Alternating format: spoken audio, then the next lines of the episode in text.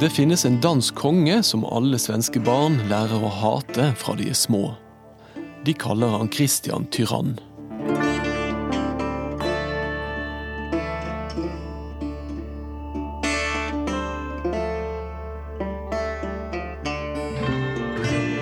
Tre år er gått siden Martin Luther slo opp sine teser i Wittenberg. Nå er det blitt iskald november måned i det herrens år 1520. Vi er i Stockholm. I Gamla stan er storkirken pyntet til fest, selv om mange av byens borgere ikke er i festhumør.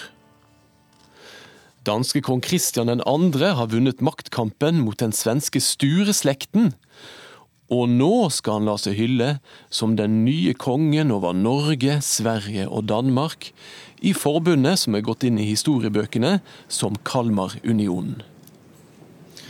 Noe motvillig har Sveriges fremste menn og kvinner, og også noen barn, samlet seg for å delta i kroningsseremonien. De færreste av dem kommer levende fra feiringen, for Kristian har en annen plan. Sammen med erkebiskop Gustav Trolle anklager han fiendene sine for kjetteri. For den forbrytelsen finnes bare én straff døden. På den påfølgende dagen blir alle som støttet Kristians motstandere, slept ut på torget. Der venter en blodtørstig mobb og en bøddel som er innleid for anledningen. Offiseren Jørgen Holtmut kapper hodet av de adelige og ridderne med sverd. De som har handelsbrev, får hodet skilt fra kroppen med øks. Allmuen blir hengt. Det er slik sedvanen er på denne tiden.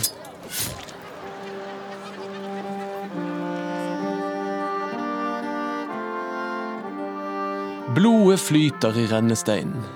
Blant de døde er Erik Johansson Vasa, far til adelsmannen Gustav Vasa, som senere skal samle en hær mot kong Kristian. Er Kristian blitt gal, spør de seg ved hoffet i København. Og her kan vi spekulere, som så mange historikere har gjort før oss, om noe av denne galskapen til danskekongen skyldtes at han er kommet i ubalanse etter at hans elskerinne Dyveke ble brutalt myrdet tre år tidligere. Dyveke var født og oppvokst i Amsterdam, men hadde flyttet til Bergen med sin mor, som drev en vellykket kremmervirksomhet i Hansabyen.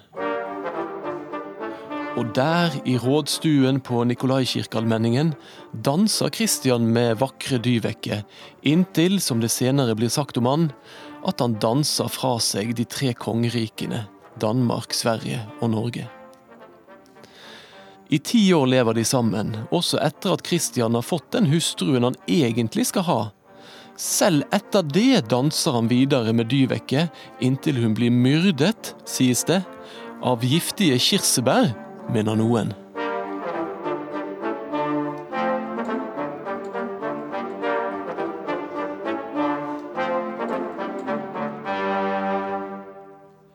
Fire år etter blodbadet i Stockholm er Christian for lengst kastet på hodet ut av sitt eget kongedømme. Han reiser rundt til slektninger på kontinentet for å samle støtte til en hær som han skal bruke til å gjenerobre Danmark-Norge fra sin fetter Fredrik den første. Ved sin side har han den unge dronning Elisabeth, søster til den mektige Karl 5. Ja, du vet den mannen som Luther forsøkte å overbevise under riksdagen i Worms i første episode. På sin tiggerferd gjennom de tyske fyrstedømmene stopper Christian i Wittenberg, hvor han går til bykirken for å høre mannen hele Europa snakker om. Det er den 8. mars i det herrens år 1524, midt i fastetiden. Dette er Jesu legeme. Dette er Jesu blod. I sin preken snakker Luther om nattverden. Nattverden, slik vi kan lese om det i evangeliene, kan forvandle frykt til glede. Når man hører Guds ord, kan man utholde helvete og død. Mennesket er syndig, og ingen andre enn Kristus kan fjerne synden. Og det skjer idet man tar til seg nattverden. Kristus sier, 'Jeg er helt og fullt rettferdig, men du er en synder.' Og du får min rettferdighet som om det var din egen. På kirkebenken sitter en mann som har blodet til 80, nei, var det 90, ja, noen mener faktisk 94 svenske adelsmenn og borgere på fingrene. Når Luther snakker om syndenes forlatelse, er det da sånn å forstå at den danske eksilkongen tenker at det også kan gjelde for han? Ved siden av han på kirkebenken sitter hans kone Elisabeth og de tre barna de har sammen. For også hun kommer ut av bykirken frelst denne marsdagen. Når hun så reiser på adelig slektsstevne til Nürnberg for å tigge om penger for at hennes mann skal kunne gjenerobre de landene han ble kastet ut av, så lager hun stor skandale fordi hun åpenlyst fornekter sin katolske barnetro. Min bror erkehertug Ferdinand var så utrolig sint på meg, skriver hun i brev til Christian. Han snakket om at du hadde vært hos Luther, og at han gladelig hadde gitt 10 000 gylden hvis du hadde latt det være. Hun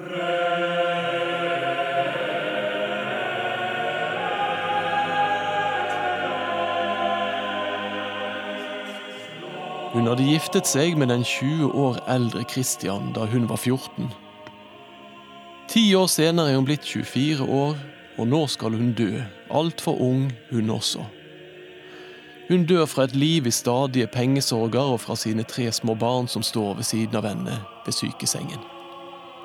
Rundt dem vrimler det av katolske prester som er sendt dit for å sørge for at kvinnen som blir en luthersk kjetter, i det minste dør som katolikk.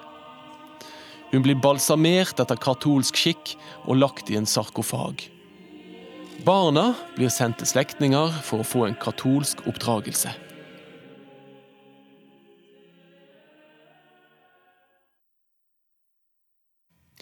I Wittenberg får Luther kort tid etter brev fra Kristian, der Kristian forteller hvordan Elisabeth hadde forsvart den lutherske troen inn i døden.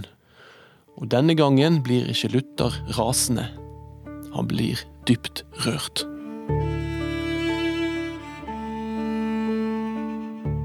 Den i sannhet kongelige dronningen Elisabeth, kone til den danske kongen, har forlatt de levende, som Christian nå har meddelt meg. Men hun døde i en fast tro på Gud, og etter at hun hadde fått nattverd. Hun lot seg ikke overtale til å gjenoppta pavetroen, selv om de mest fornemme personene forsøkte. Ja, Kristus har i sannhet en dronning i himmelen. Til slutt skrev Luther at dette var det tristeste brevet han hadde fått fra Kristian den andre. Det mest ulykkelige mennesket som nå bare levde for Kristus, som han skrev. Men Kristian lever også i troen på at han en dag skal kunne få tilbake tronen som Danmark-Norges konge. Og den troen er så sterk at han senere underskriver et brev om at han fornekter sin lutherske tro i bytte mot en hær av leiesoldater.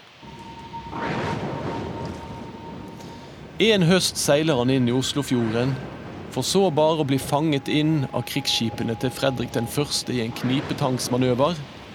Han kapitulerer og blir kastet i et fengsel i København, og der blir han sittende og råtne til han dør, selv om det er et gullbur han er blitt plassert inn i, hvor fangevokterne blåser en liten fanfare hver gang han skal spise et måltid.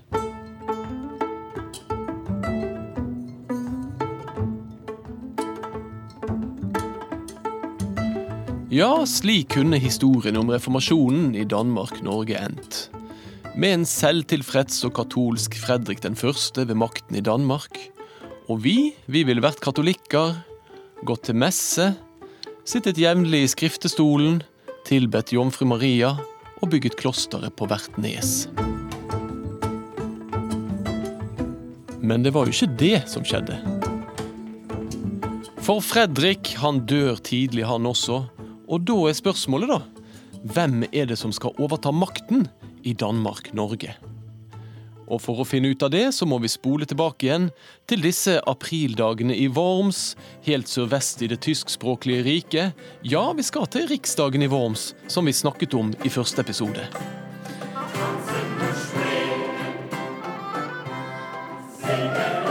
Der befinner det seg en annen mann som er så ung, og som skal bli så mektig, og som skal endre alt i Norge. Men det vet han ikke, der han står 18 år gammel og hører på Luther, som ikke vil ta avstand fra noen av de skriftene som pavens menn legger foran han på bordet. Ja, det kan virke litt forvirrende, men han vi skal bli kjent med nå, han heter også Christian. Han er fetteren til Christian som sitter i fengselet.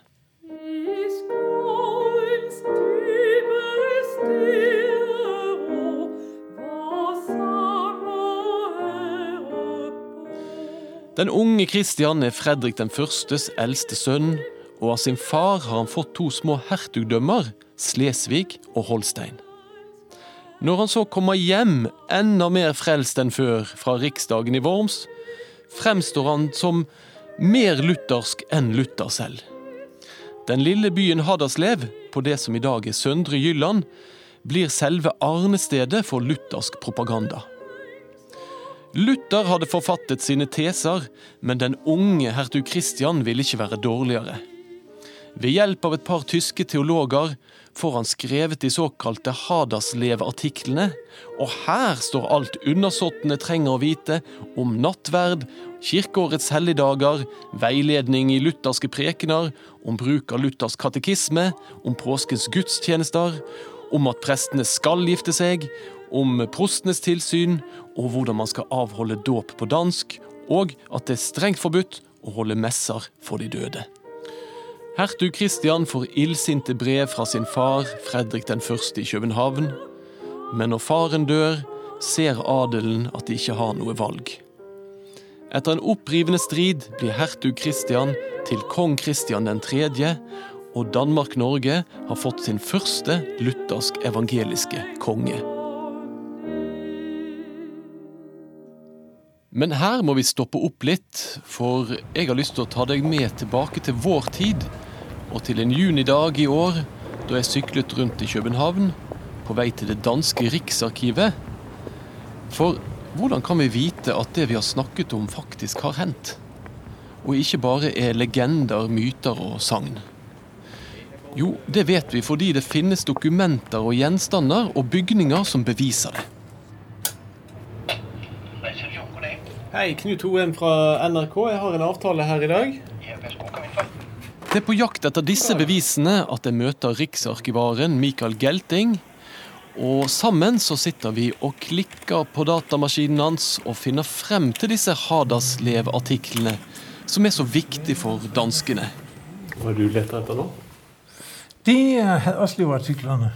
Haderslev-artiklene er den kirkeordning som Christian 3. innførte i sitt lille sønderjyske hertugdømme i 1528 for å innrette den etter Luthers anvisninger. Ja. Og ikke minst så finner vi den omfattende samlingen som Riksarkivet i Danmark har av Luthers brev.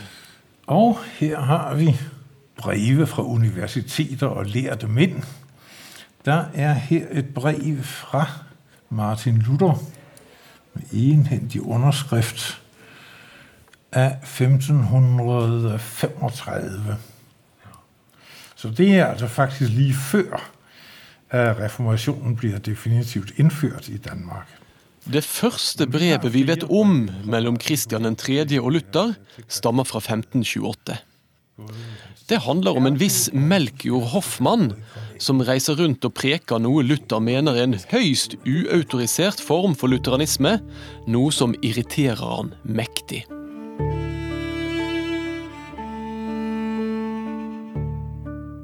Jeg håper at Deres Majestet har det bra, og spesielt har det godt med det hellige evangelium, og at man holder seg til dette, da det er en kjent sak at Satan aldri sover. Og så håper jeg spesielt at Melchior Hoffmann holder seg unna, for av hva jeg hører holder han seg ikke til saken, men bedriver mest diktning. Det er min ydmyke oppfordring at Deres Majestet ikke gir spillerom til denne sortens Tasken-spillere, med tanke på at vi har mer enn nok med å tilegne oss Kristi tro, elske vår neste og å tilhøre ham til evig tid. Amen.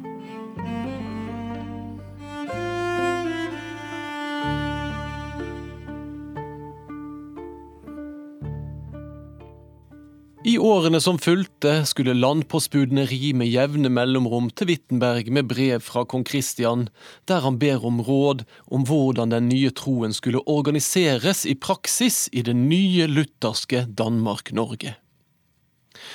Men Luther selv kom aldri til Danmark, og heller ikke til Norge, slik kong Kristian hadde håpet på. I stedet sendte han en av sine aller nærmeste medarbeidere. Sommeren 1537 ankommer Johannes Bogenhagen, Luthers nærmeste venn og til daglig sogneprest i bykirken i Wittenberg, København med kone og barn. I tillegg er han blitt utnevnt til såkalt oversuperintendent, en tittel som erstattet biskopene i de lutherske fyrstedømmene. Bogenhagens spesialfelt er utviklingen av såkalte kirkeordinanser Dvs. Si, lover og regler for hvordan de nye reformerte kirkene skal bygges opp. Han hadde med stor flid reorganisert kirker i Hamburg, Lübeck og Pommern. Nå var turen kommet til den ivrige kongen i Danmark. Innimellom slagene blir det også tid til festligheter, og kanskje skal vi stoppe opp litt og se på hvordan Kristian organiserte sin egen kroningsseremoni, nå som det ikke lenger var aktuelt å la en katolsk biskop sette kronen på hodet hans, slik som forgjengerne hans hadde gjort det. Høytidelighetene finner sted i Vår Frues kirke på Nørreport, slik den så ut før den brant i 1728. Med adel til stede fra hele Europa og byens beste borgere i kirkebenkene, kommer Kristian inn døren med sverd i den ene hånden og Bibelen i den andre. Fra Bibelen leser han så høyt et utvalgt skriftsted. Deretter lar han Bogenhagen sette hans krone på hodet. Dette blir en enestående kongekroning i danskenes historie, og aldri skal de gjøre det på denne måten igjen. Bare uker senere underskrev kong Kristian den nye kirkeordinansen for Danmark-Norge. Her skulle folket få vite alt om hvordan gudstjenestene skulle være, hvordan prestene skulle lønnes, og ikke minst hva skolebarna skulle synge. For hvert stift i riket hadde Kristian oppnevnt en superintendent som skulle ta over styringen av lenene i riket, nå som biskopene hadde fått sparken.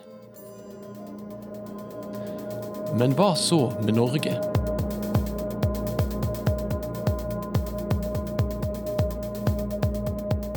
Jo, langt ute i ordinansen så står det faktisk noe om Norge. Det står at også Norge skal få sine superintendenter med tid og stunder. Den første kan ha vært til stede i København denne sommeren i 1537. Den tidligere katolske biskopen Geble Pedersen hadde evnet å tilpasse seg den nye tiden og luthersk tro tidsnok til at han kunne velges til Norges første lutherske superintendent i september 1537. Det ser i det hele tatt ut til at det skal gå glatt å innføre reformasjonen i Norge. Men i Trondheim sitter det en mann som ennå ikke har gitt opp håpet om at det skal gå an å bekjempe dette lutteriet, som han kalte det.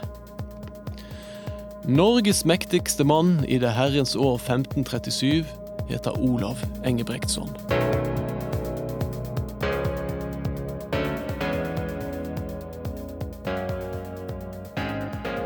Og Norges siste katolske erkebiskop han blir vi bedre kjent med når kollega Anne Dorte Lunås tar oss med til Trondheim i neste episode. Og jeg skal skynde meg å legge til at det er en skuespiller ved navn Mats Austdal som er Martin Luther i denne serien. I dagens episode så snakket vi om hvilke kilder vi har som beviser at reformasjonen faktisk har skjedd, og som historikerne jobber med når de skal skrive bøker om dette emnet. Og Sigrun eh, Høgetveit Berg, du er førsteamanuensis ved Universitetet i Tromsø i historie. Og din bok 'Reformasjonen' den er ute nå. Det stemmer. Hvorfor er denne ordinansen så viktig? Nei, det er jo som du sier at det er jo et av hovedkildene for oss historikere, og det er et av hoveddokumentene som faktisk forteller oss hva reformasjonen, når den blir innført, handla om. Og eh, Kirkeordinansen, som jo da er ei kirkelov, eller ei lov og ordning for hvordan kirke religionsvesenet og kirkeordninga skulle, skulle se ut i praksis, den, jo, den er utgangspunktet for å regulere hele det kirkelige virkeområdet, kan en si, etter reformasjonen.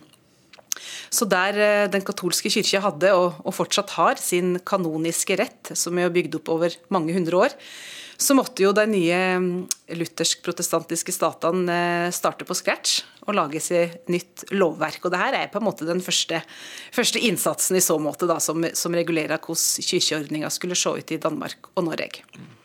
Men det drøyde litt før den faktisk eh, kom seg til Norge, den ordinansen? Ja, den gjorde det. Eh, den som ble vedtatt i Danmark i september, eller sendt ut fra Danmark i september 1537 den var for det første på latin, og, og den galt jo for Danmark og Norge for så vidt i praksis. Men det står jo i kirkeordinansen at eh, for Norge så må det komme en egen ordinans, fordi det er såpass mye i Norge som tross alt er forskjellig fra Danmark. Så det skulle komme en ny norsk ordinans. Og det varte veldig lenge før det ble en egen norsk ordinans, faktisk ikke før i 1607. Men hvis en skal se litt nærsynt på det, så var det heller sånn formelt så ble det heller ikke den versjonen fra 1537 som egentlig formelt ble eh, lovtatt for Norge, det skjedde ikke før i 1539, når eh, kirkeordinansen kommer i dansk versjon. Og da også med tillegget 'den rette ordinans', står det om den danske versjonen. Og det er den, det er det dokumentet som blir lovtatt på norske herredager sommeren 1539. Mm. Så flere historikere har jo pekt på det poenget da, at sånn rent formelt så er det ikke en luthersk eh, kirkeordinans som gjelder i Norge før i, i 1539. Du, Denne ordinansen den er jo utgitt i bokform, og den uh, fins jo å få tak i, og alle kan jo lese den. Hva hadde du mest nytte av i ditt arbeid med din bok i, fra denne ordinansen? Ja, jeg hadde jo veldig stor nytte av de moderne versjonene som er gitt ut. Det er særlig den danske kirkehistorikeren Michael Lausten, som eh, har en eh, utgave fra ja, 1980-tallet, som har vært standardvitenskapelig verke om det, men den er jo gitt ut i norsk språkdrakt òg, senest på nytt nå i år av Terje Ellingsen.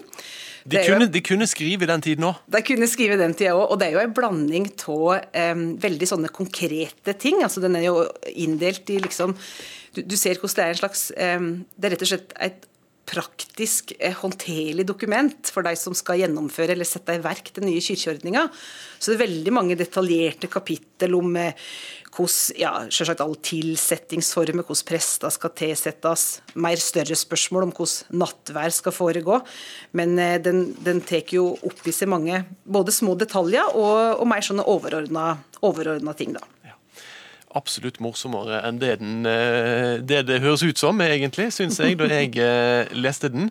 Jeg kan også fortelle det at på våre nettsider nrk.no akkurat nå, så har vi faktisk samlet sammen, sammen med teologer og historikere, så har vi samlet sammen ti dokumenter vi fra reformasjonen som blir regnet for å være de mest vesentlige. Så de kan alle som er interesserte gå, nærm, gå inn og studere der. Men du, Sigrun Høgetveit Berg, helt til sist. Um, I denne andre episoden så var vi jo altså mest i Danmark. Når du hørte på det, var det noe du tenkte manglet for at historien skal bli komplett? ja, det var ganske mye. det var det, ja. ja. Nei, men det er kanskje det eneste som, som jeg synes som jeg ville opponert litt mot. Det var den framstillinga som var av at Fredrik den første var liksom en sann og hugheil og eh, overtydd katolikk. Så, så, på en måte, hvis det hadde vært opp til han, så hadde vi kanskje ikke blitt lutherske. Det tror jeg er å ta i litt. Eh, Sjøl om han nok ikke var like luthersk som sine barn, så hadde han en helt eh, han hadde en ganske pragmatisk tilnærming til det her med den religionskampen som foregikk på 1520-tallet. Og han tillot jo mellom annet lutherske predikanter i sine rike. Så eh, på en måte det inntrykket i alle fall, det kunne sitte igjen med at at det begynte på en måte med for så vidt med Kristian 2., men også Kristian 3. Jeg skal ikke avskrive han eh, Fredrik 1. si tilrettelegging for det som skulle komme. Så, så uh, Fredrik den første var på ingen måte så uh, notorisk uh, katolsk som mange av sine kollegaer ute på kontinentet? Nei, det tror jeg vi kan si. Og det er nok ikke det eneste som er mulig å diskutere når det gjelder denne historien her. Det er sikkert masse mer, og mer blir det sikkert også etter neste episode. Tusen takk, Sigrun Hauge Tveitberg, for at du var med oss her i dag.